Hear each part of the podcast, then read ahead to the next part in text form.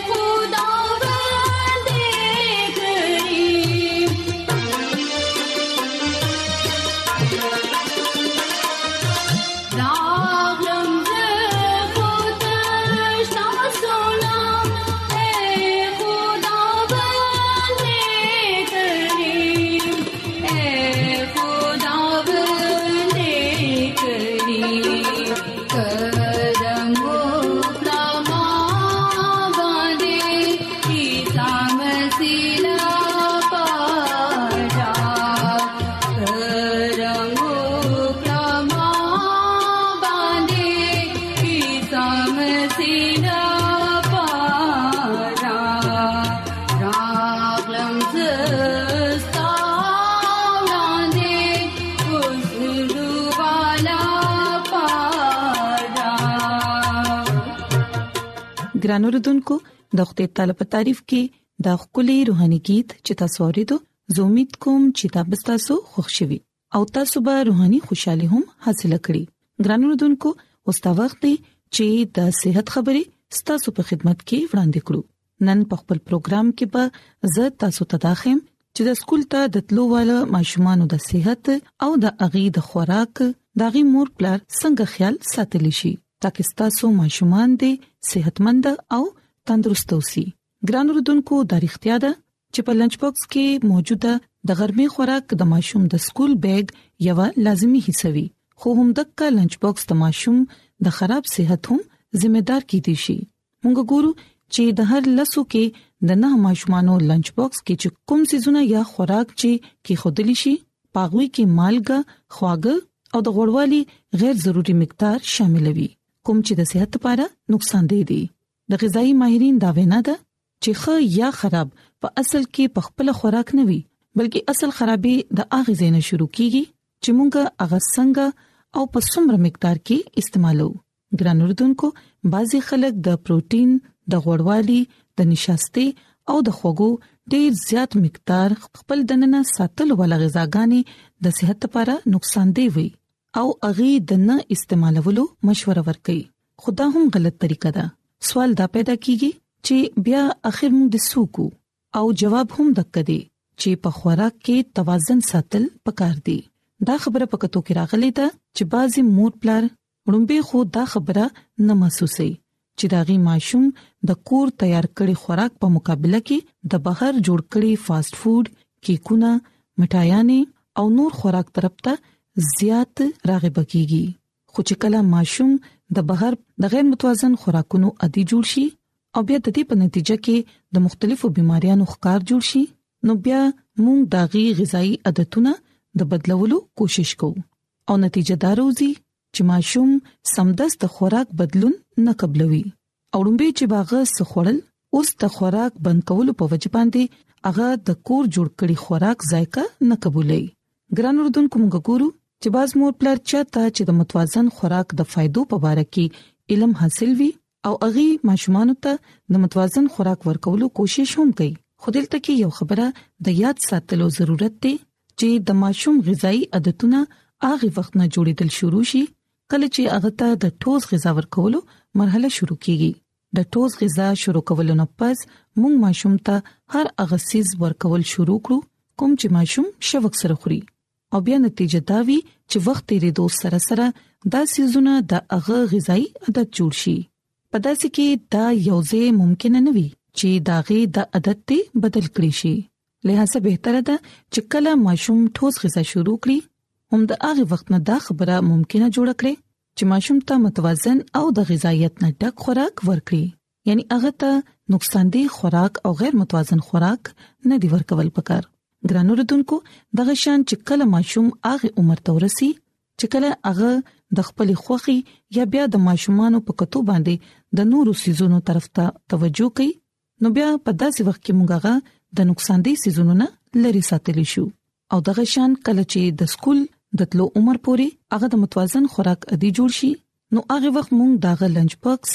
صحتمند خوراک سره ډکولی شو ګران اردوونکو یاد ساتئ چې په ماشوموالي کې د وجود د نشونما لپاره مختلف سيزونه مثلا نشاسته خواږه نمکيات او غوړوالي وغیرہ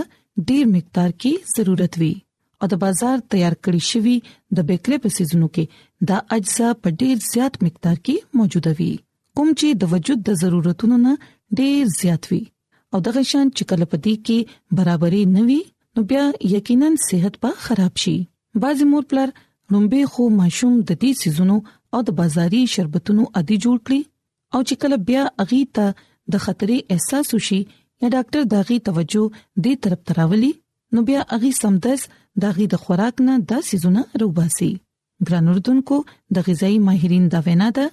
کچري تاسو د خپل ماشوم د خوراک نه کیکونه چاکلیټونه او خواږه ول سيزونه سمدست تاسو لرکړي نو دا تاسو په نظر کې ښه خبره خوده خو کوغه ور سره مونږ وګورو نو دا سيزونه سمدست خارج کولو په ځای بهتره بداوي چې دا مونږه متوازن کړو د ماهرین وینا ده چې کو هر یو خوراک ماشوم ته په یو خاص مقدار کې ملاويږي نو داغه صحتمند سيزونه به یقینا د وجود ضرورت هم پوره کوي خو مسله د وخت جوړیږي کله چې د خوراک دا حجم غیر متوازن شي نو د خوراک ماهرین مندو ته دا مشوره ورکړې ده چې د معدې او د سپین اړونه تیار کړی شوی ډبل روټي په ځای کچره تاسو اغیلا د غنمو روټه دغه په لنچ باکس کې ورکړي او د قسمه قسم شربتونو په ځای دغه په وبو کې ساده وبوي د سلاد صحیح سوي او په خوګو کې سمېوا د ماشوم په لنچ باکس کې موږ کېږو نو بیا به د ماشوم لنچ باکس یقینا متوازن وي ګران اردوونکو موږ ته کوشش کول پکار دي چې د ماشوم په خوراک کې سبزيانې میوه او د سلاد مقدار په هر حل کې شامل وي دا نه صرف داغي جسمانی تندرستۍ لپاره بلکې د مازغو په طاقت کې هم مدد ورکوي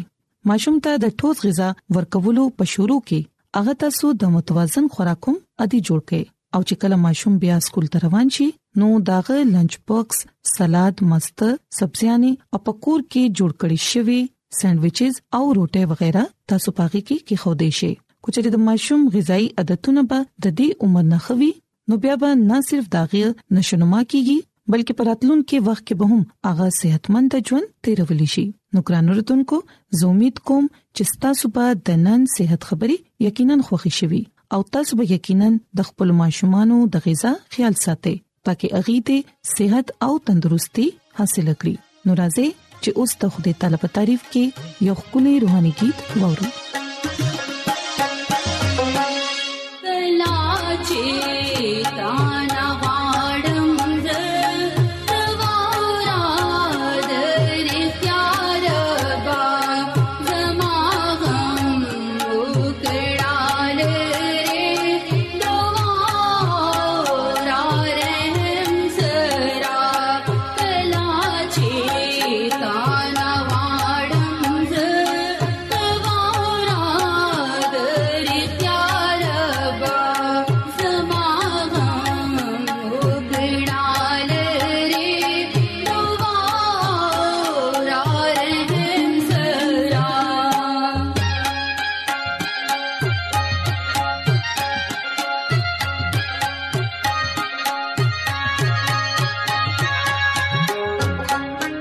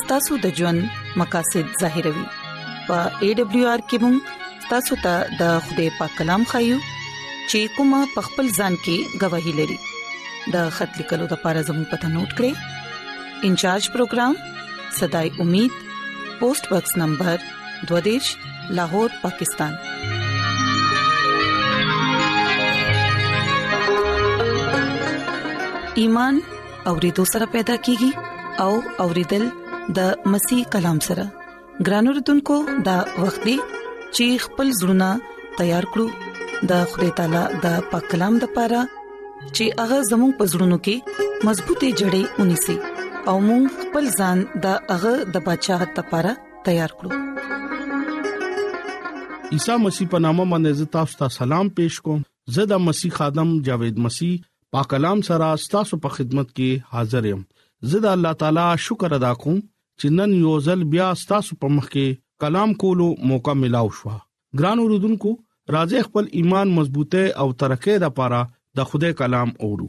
نن د بایبل مقدس نه یو داسې عظیم نبی بارکه مونږه ځکو چې کوم خدای سره خبرې کولې چې چا د خدای جلال نظاره لیدلې وا او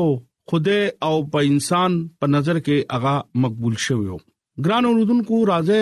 مونږه د موسی نبی باره کې د بایبل مقدس نه با ځان پویو حضرت موسی نوم مطلب چې د ابونا وتلې شوی د حضرت موسی د مور نوم عقبت او د پلار نوم عمرانو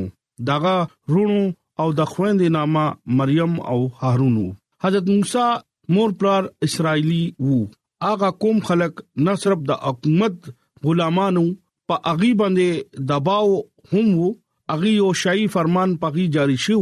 چې ټول اسرایلی الکان پیدا شي نو قتل کړي ګران اوردونکو چې کله حضرت موسی پیدا شو نو هغه د سورزو او مور خپل کور کې پټ ساتلو او ورځې ډېری تیری شي او هغه یو ټوکړې کې واچول او نیل په خړ کې هغه پرې خودو او هغه بيدو او یو محفوظ مقام ته ورسېدو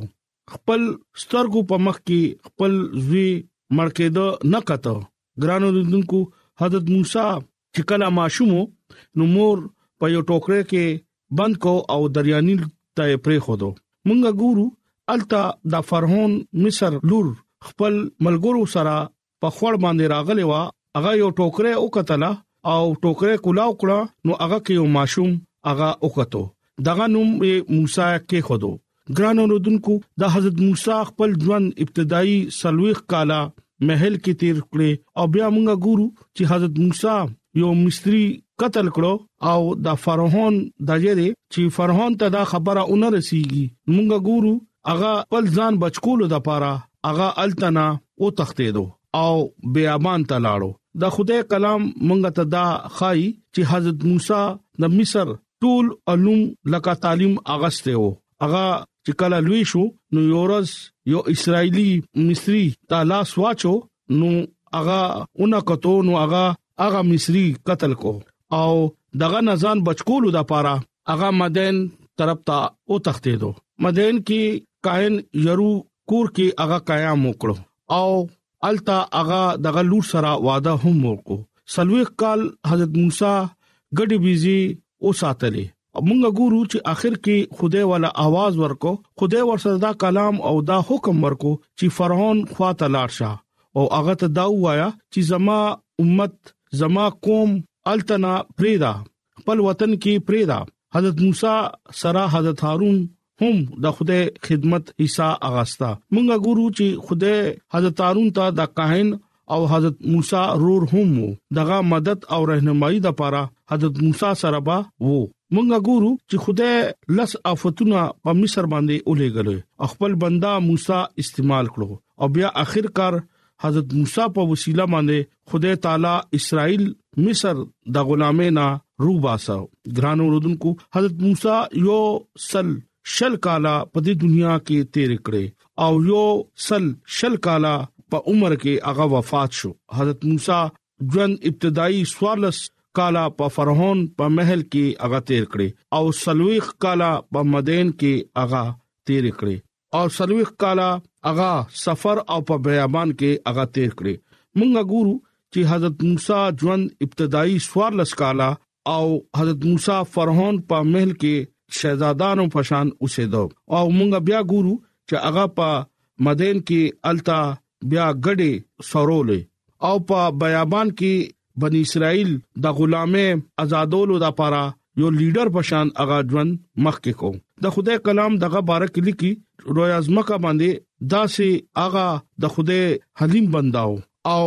دا خبره اړتیا ده چې موسی حلیم سړیو او بشکا اغا ډیر تورزنو دغه باوجود مونږه ګورو چې خدای هغه سرا سراو حلیمی خدای ولا ور کړې وا ګران اوردونکو خدای خپل بندا په ذریعہ باندې خپل قدرت خپل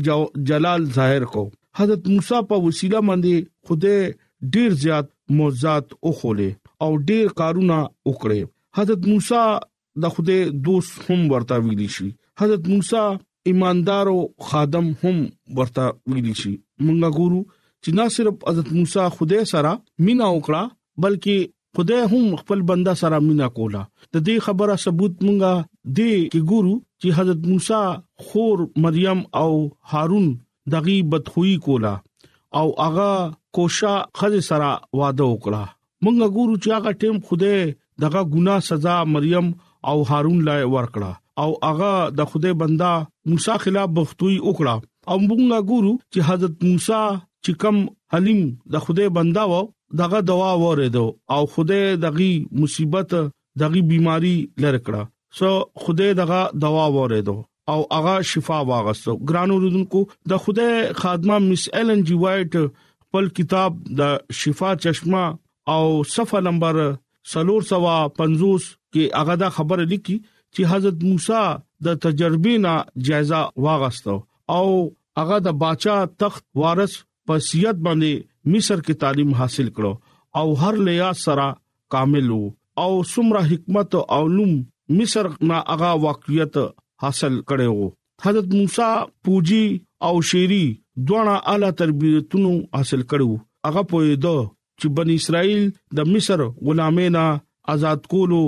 ست طریقہ اختیار کړو لکه خدای طرف نه با هغه سوچ کو سلويخ کال هغه بیابان کې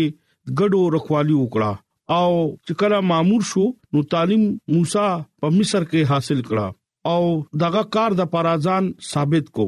دا چوپان تعلیم هم هغه غستو تیز مزاج انسانو او مصر کې کامیاب فوجي لیډر او قوم د لپاره ځان مخ کې کو اغي تا ځان او خولو چې زه د خوده بنده يم تاسو د لپاره زه تیار يم هغه خلکو ته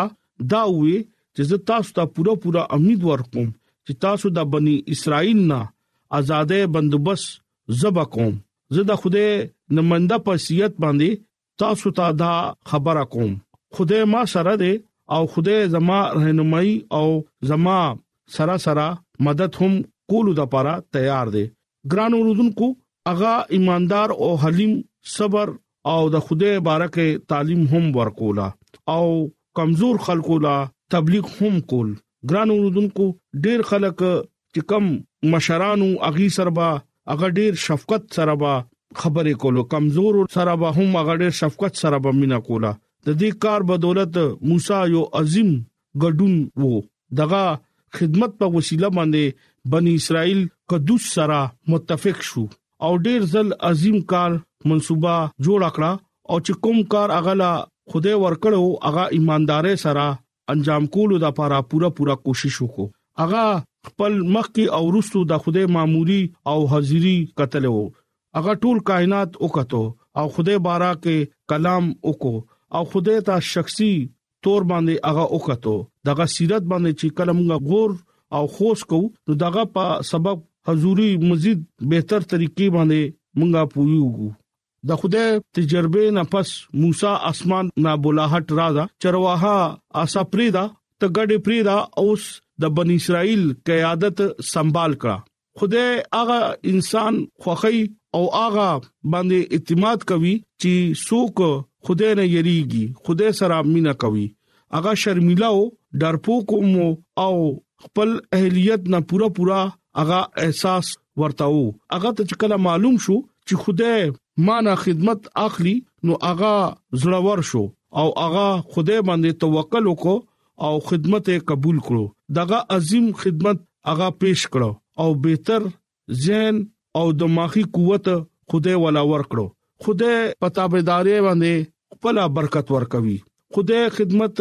انجام ورکول خو هغه لایق نو خدای دغه بارکلی کی د استثناء کتاب فار لسم باب لسم آیت کې لیکلي دي چې هغه ټیم بنی اسرائیل یو نبی موسی په شانته نو خدای اغلا روز پرز خبره ورسره وکړي ګرانو رودونکو دا خبره د اختیار ده چې حضرت موسی په ژوند کې مونږه یو ډیر لوی پیغام ګورو مونږ خپل طاقت سره سکولی نشو سزل داسې هم کیږي چې مونږه ځان کمزور ګړو او دا خیال کو چې د خدای خدمت کولو قابل مونږ نه یو ګران اوردونکو بشک مونږ خپل طاقت سره چې اس کولی نشو دغه لایق نیو د خدای خدمت کولی شو خدای زمونږه افضل دی او هغه مونږه د کابل جوړول شي زمونږه مدد او رهنمایي کولی شي ګران اوردونکو راځي حضرت موسی پشان لارا اختیار کو او دا لارا همیشه ژوند طرف ته روان دي او دا لارا خدای لارا ده حضرت موسی شاهي محل کې پیدا شو او بیا تاسو ګوره چې هغه بیا د ګډو خدمت وکړو او بیا بیابان ته خوده ولېګو ګران اوردونکو ارزه کې ار ټیم د خوده شکر کوي خوده نوم ته مبارک وای خوده خولي خوده دې دغه شفقت لوی ادا دغه وفاداری پښت در پښت مونږه سره همیشه پاتې کیږي راځه مونږه عیسی المسیح باندې ایمان لرو عیسی المسیح خپل ژوند خالق او مالک تسلیم کو ولی دغه سره شخصي تعلقات جوړ کو اغه زمونږه ژوند کې راشي او مونږه لا کثرت ژوند راکې ګران اوردونکو ایمان کې مضبوط شه ایمان د عیسی مسیح باندې وروړي نن خدای کلام مونږ ته دا وایي چې تاسو